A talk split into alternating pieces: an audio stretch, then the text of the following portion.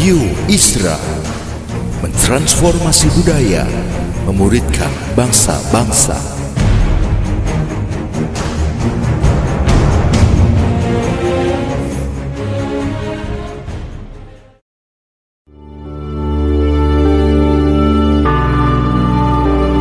Apostolic Prophetic Messages mengungkapkan pesan dan arahan dari hati Tuhan bagi gerejanya demi menuntaskan mandat kerajaan Allah di Indonesia dan bangsa-bangsa.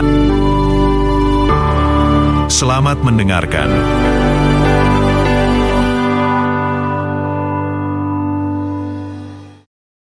Saudara-saudara apa kabar? Puji Tuhan. Saya berharap saudara-saudara sekalian tetap bersemangat, tetap bergairah, dan kita perlu sekali terus bergairah supaya kita tetap bertumbuh ya. Kita tetap bergairah di dalam Tuhan. Kita bisa terus hidup dengan energi positif yang Tuhan berikan buat kita. Kita kemudian dapat membagikannya pada orang-orang di sekitar kita. Kita tetap hidup antusias ya.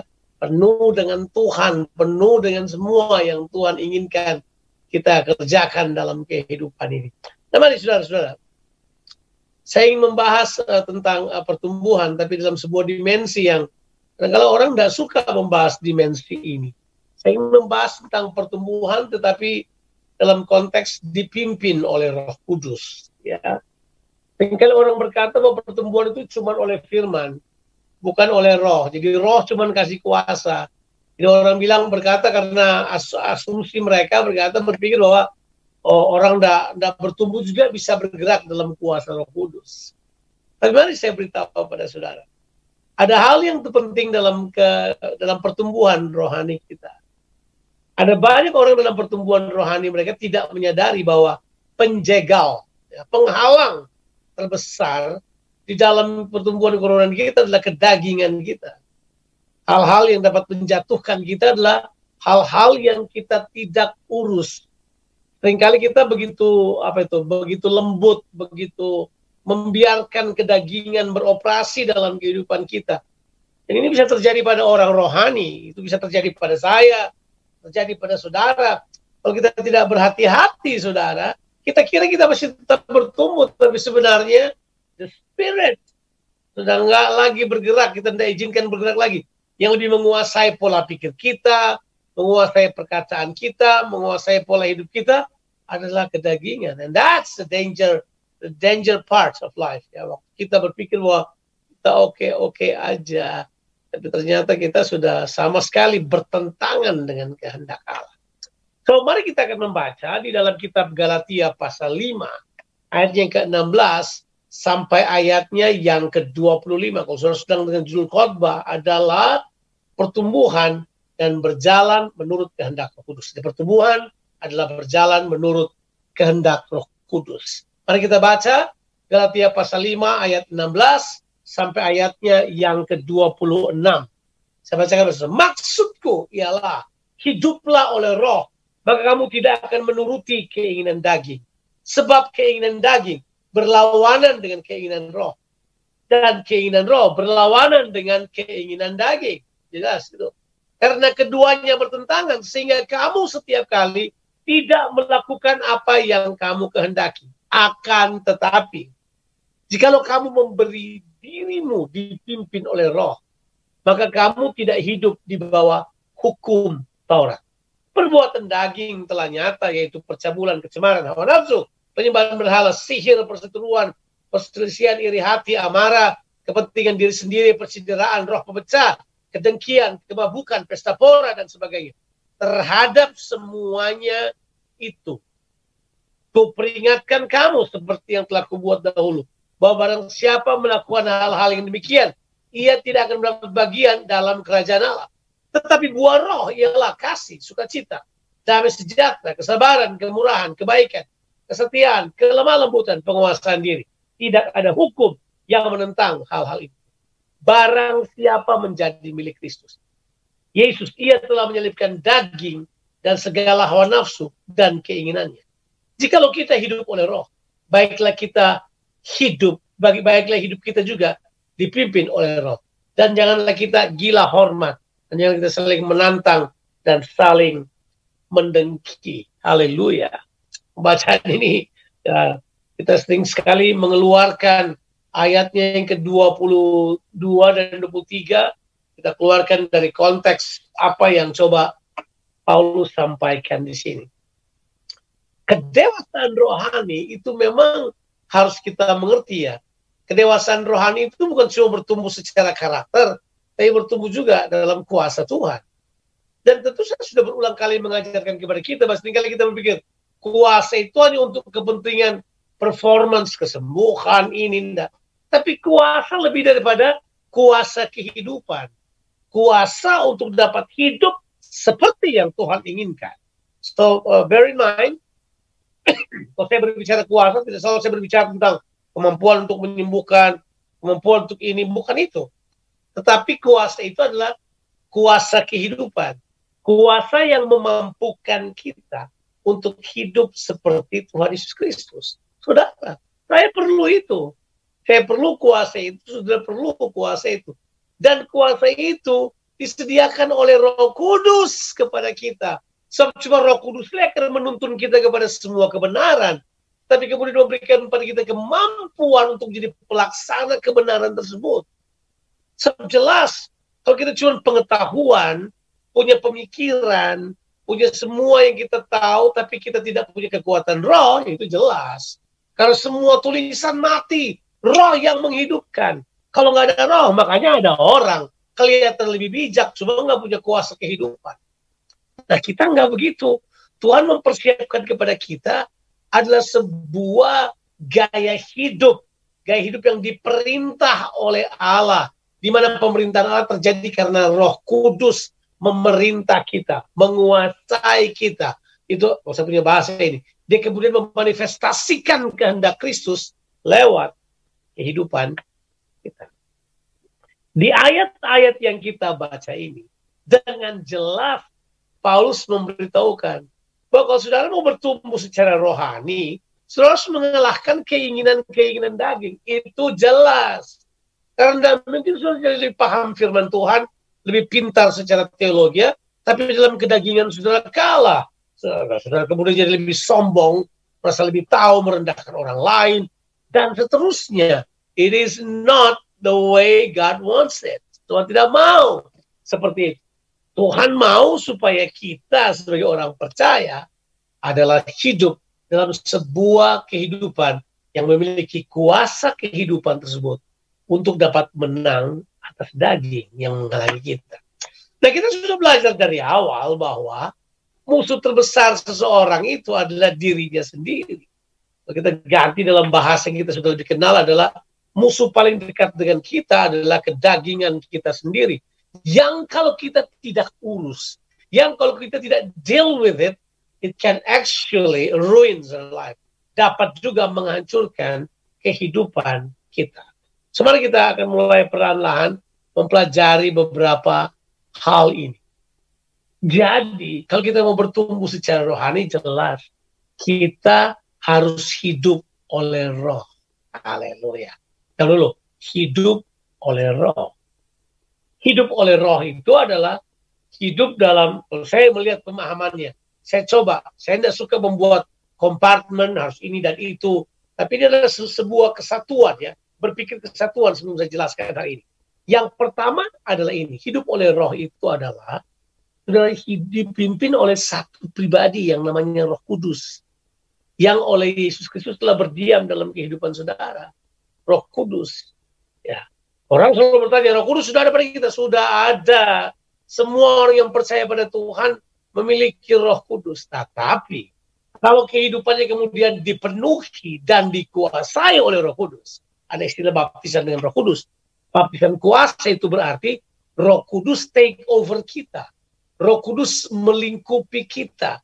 Roh Kudus bukan cuma dari dalam, tapi kita dipenuhi, dilingkupi, dikuasai.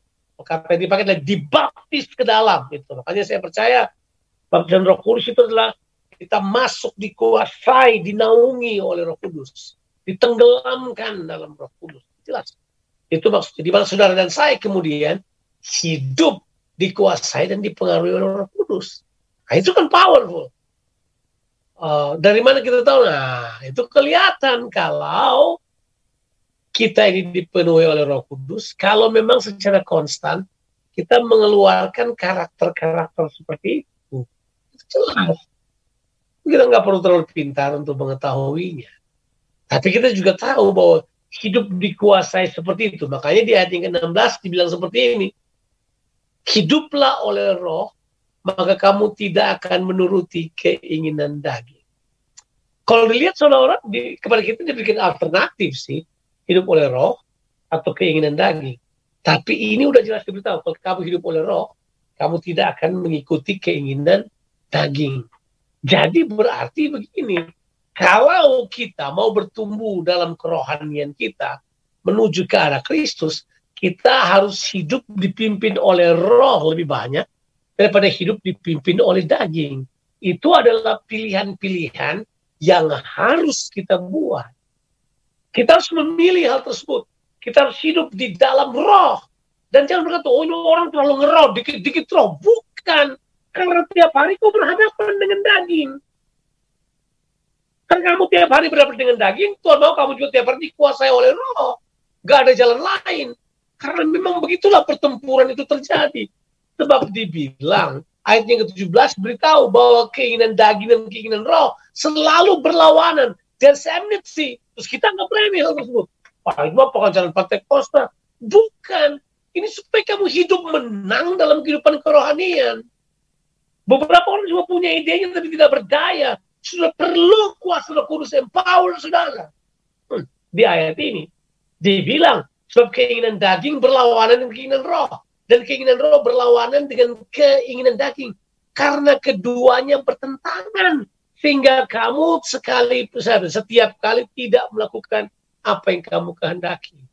Berarti saudara, pilih it or not sebagai orang percaya. Manifestasi kehidupan kita tergantung siapa yang menguasai kehidupan kita daging atau roh. Ini krusial. Nah pertumbuhan rohani kita harus dilihat di sisi ini. Oh itu banyak pengetahuan, inilah pengetahuan, ini psikologi, inilah psikologi itulah. Terbanyak saya temukan bahwa kita pintar dengan semuanya itu. Dan, dan, dan memang betul, itu David Mayer berkata bahwa terbanyak kegagalan orang percaya itu gini, kita punya semuanya, tapi kita gagal menghidupinya karena kita tidak punya kuasa untuk menghidupinya. Hmm. Kita punya pengetahuannya. Kita tahu kita mesti sabar, tapi kita tetap naik pitam. Kita lebih gampang untuk marah daripada sabar menunggu. Kita lebih gampang untuk potong kompas dan kemudian serobot orang lain daripada sabar tunggu dalam sebuah antrian yang panjang. Kita lebih gampang membenci daripada mengasihi. Padahal dalam kita ada roh kudus. What is the problem? Nah ini dia. Kita tidak punya kesadaran bahwa kita tidak mengerjakan apa yang kita mau loh. Kita hanya mengerjakan keluar dari siapa yang menguasai kehidupan kita.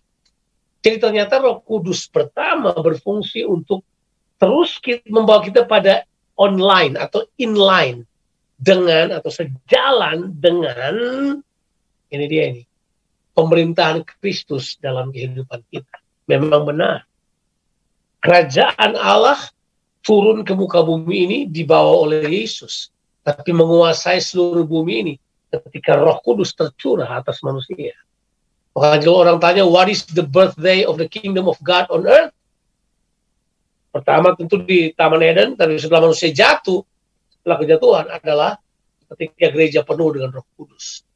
Tuhan mencurahkan rohnya pada segala daging. Ah, Di situlah kerajaan Allah mulai terjadi.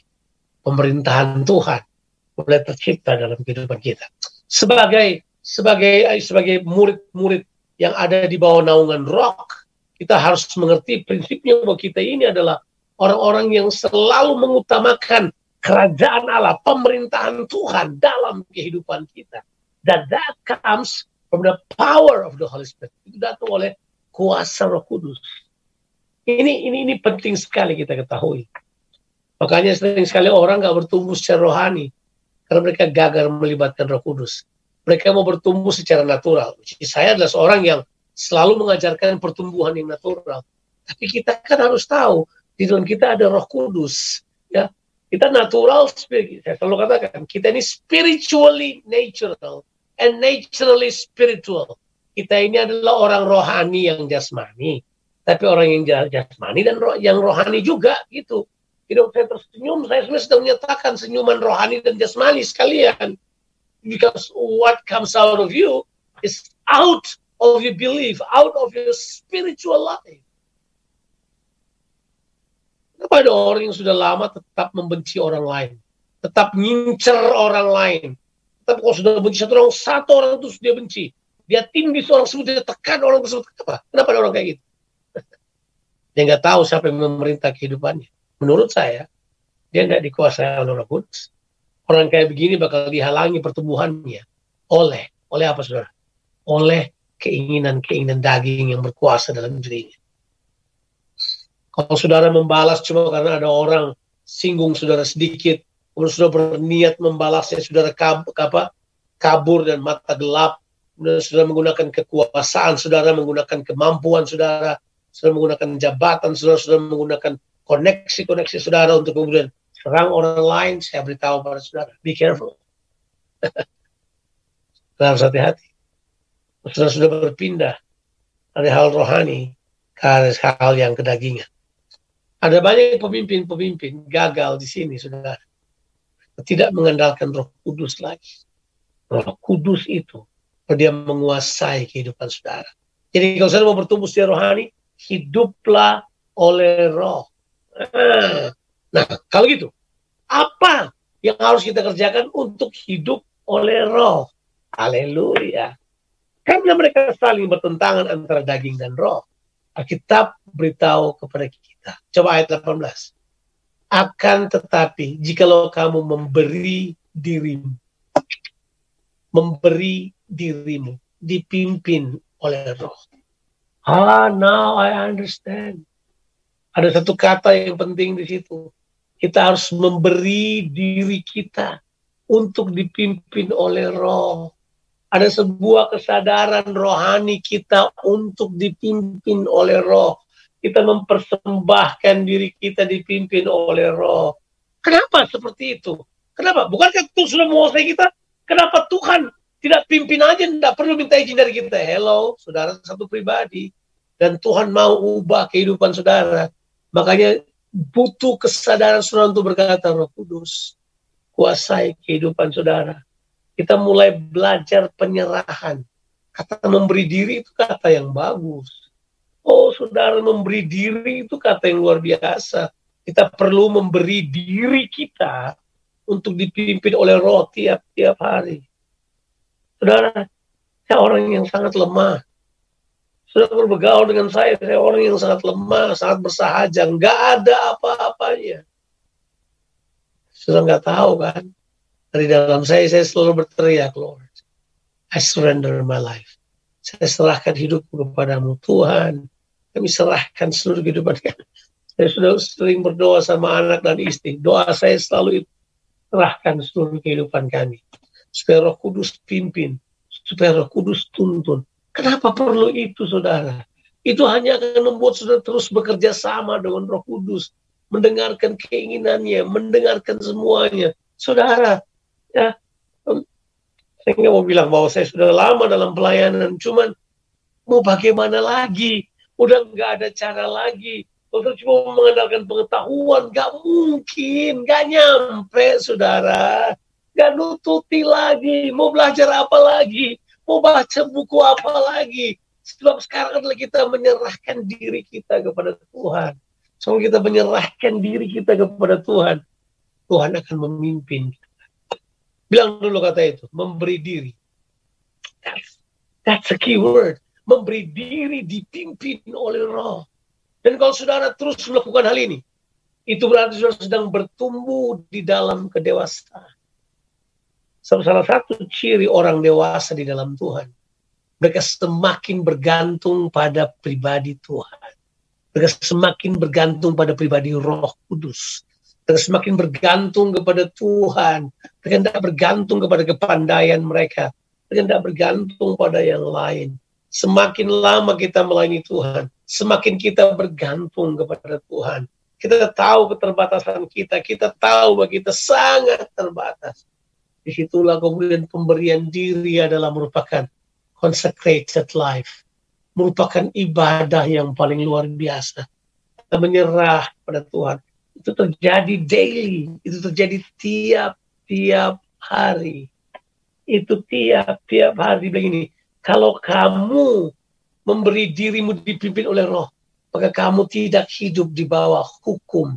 Tidak hidup di bawah hukum Taurat, tidak hidup dalam arti ini. Kalau kita berjalan dalam roh, kita memiliki kemerdekaan. Nah, kita sudah belajar prinsip kemerdekaan kan? Kemerdekaan itu adalah prinsip melakukan kehendak Allah. Bapak kita adalah pribadi yang paling merdeka. Dan kemerdekaannya dia pakai untuk melakukan kehendaknya. Ya kan? Nah, karena kita sekarang adalah manusia, kita punya pilihan. Kita dimerdekakan untuk melakukan kehendak Allah mengikuti keinginan kita. Ah, terbanyak kita ikuti keinginan kita. Padahal seperti Tuhan, the purpose of that freedom atau tujuan daripada kemerdekaan itu adalah melakukan kehendak Allah. Makanya kemudian kita baca pasal 19 sampai 21 tentang kedagingan. Banyak banget pilihan kedagingan banyak sekali. Tapi kalau kita memberi diri kita dipimpin oleh Roh Kudus, sama sekali berbeda.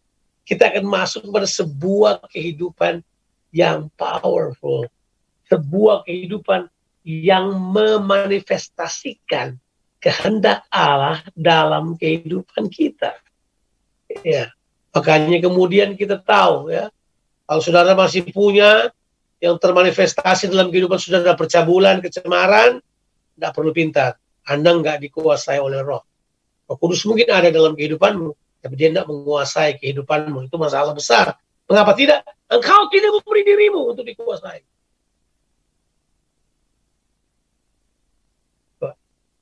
Sudah memberi diri sudah dikuasai oleh Roh Kudus. Yang ini ini tidak akan ada lagi. Penyembahan berhala, sihir, perseteruan, penyembahan berhala di situ bukan berarti sudah menyembah-nyembah patung di rumah, enggak. Penyembahan berhala itu karena ada yang lebih utama dari Yesus dalam kehidupan. Sihir, engkau paksakan kehendakmu, manipulasi orang lain, terjadi itu terjadi setiap hari. Perseteruan, perselisihan, iri hati, amarah, kepentingan diri sendiri, persideraan, roh pemecah, kedengkian, kemabukan, pesta pora, dan sebagainya. Bayangkan. Sampai udah bingung Paulus mau beritahu terlalu banyak dan sebagainya. Kemudian yang berkata, Pak, Bapak baru kasih 19, saya punya sudah 23. Lebih empat. Terhadap semuanya itu, ku peringatkan kamu seperti yang telah kubuat dahulu. Bahwa barang siapa melakukan hal demikian, bukan Yesus yang memerintah kehidupan. Kan itu artinya. Berarti kerajaan Allah dia ada bagian. Berarti pemerintahan Tuhan. Kan kerajaan Allah artinya pemerintahan Tuhan. Berarti kalau ada yang kedagingan kelihatan dalam diri kita, berarti jelas bukan Yesus yang memerintah diri saudara. Udah. Dagingmu yang memerintah saudara. Tapi kemudian buah roh. Kasih. Sukacita damai sejahtera, kesabaran, kemurahan, kebaikan, kesetiaan, kelemah lembutan, penguasaan ini. Tidak ada hukum yang menentang semuanya itu. Ayat 24. Nah ini dia, saya suka katanya. Barang siapa menjadi milik Kristus Yesus. Siapa itu? Yang menyerahkan dirinya, yang memberi dirinya menjadi milik. Nah, saudara milik Yesus, tapi kalau pernah kasih dirimu kepada Tuhan, ya sama aja sama, sama seperti ada lagu yang berkata gini, ya kamu punya ragaku tapi bukan hatiku, itu saja. Sama seperti orang pergi ke gereja, tubuhnya ada di dalam gereja atau di lagi dengar zoom tapi pikirannya lari ke mana-mana. Itu kan tidak memiliki semuanya itu. Ya. Jadi kemudian itu, itu kan istilah percintaan, istilah romance. Ya.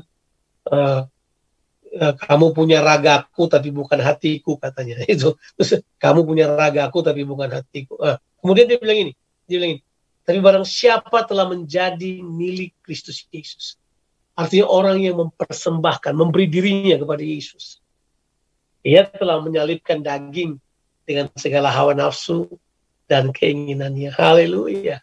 Berarti kalau kita kalau kita menyerahkan diri kepada Tuhan dimiliki oleh Kristus kita tersalib bersama dengan Kristus, ada dua hal yang kemudian tersalib, yaitu apa? Daging kita dan hawa nafsu. Hawa nafsu kan keinginan-keinginan dagingnya. Jadi dagingnya dia dihabisin, hawa nafsunya, keinginannya. Berarti keinginan-keinginan itu yang mencobai kita tiap-tiap hari. Karena manusia tidak dicobai oleh Tuhan, manusia dicobai oleh keinginannya sendiri. Yakobus pasal 1 ayat 13 dan 14 katakan itu buat kita. Nah, baru ayat 25 beritahukan buat kita. Jikalau kita hidup oleh roh, baiklah kita juga dipimpin oleh roh. Hidup oleh roh, tapi dipimpin. Dipimpin itu punya pengertian guide by it.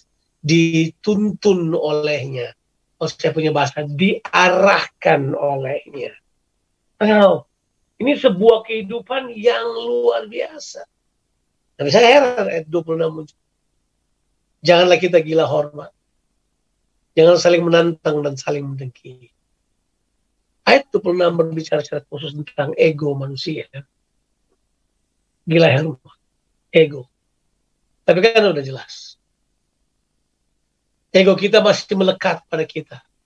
Itulah sebabnya kita perlu Tuhan kuasai kita. Supaya kita tidak menyerah pada ego. Ego sangat dekat dengan daging manusia. Kita sebagai orang percaya, kita harus terus terbuka pada Tuhan. Mengizinkan hidup kita dipimpin oleh Tuhan.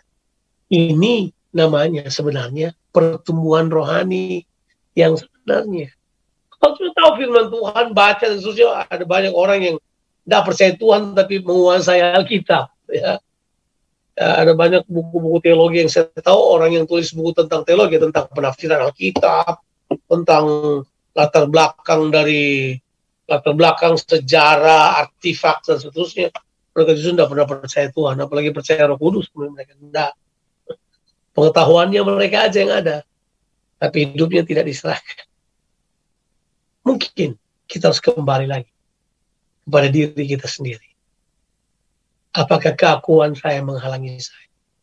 Dan kalau itu, siapa lagi yang harus urus? Diri kita sendiri dengan Tuhan.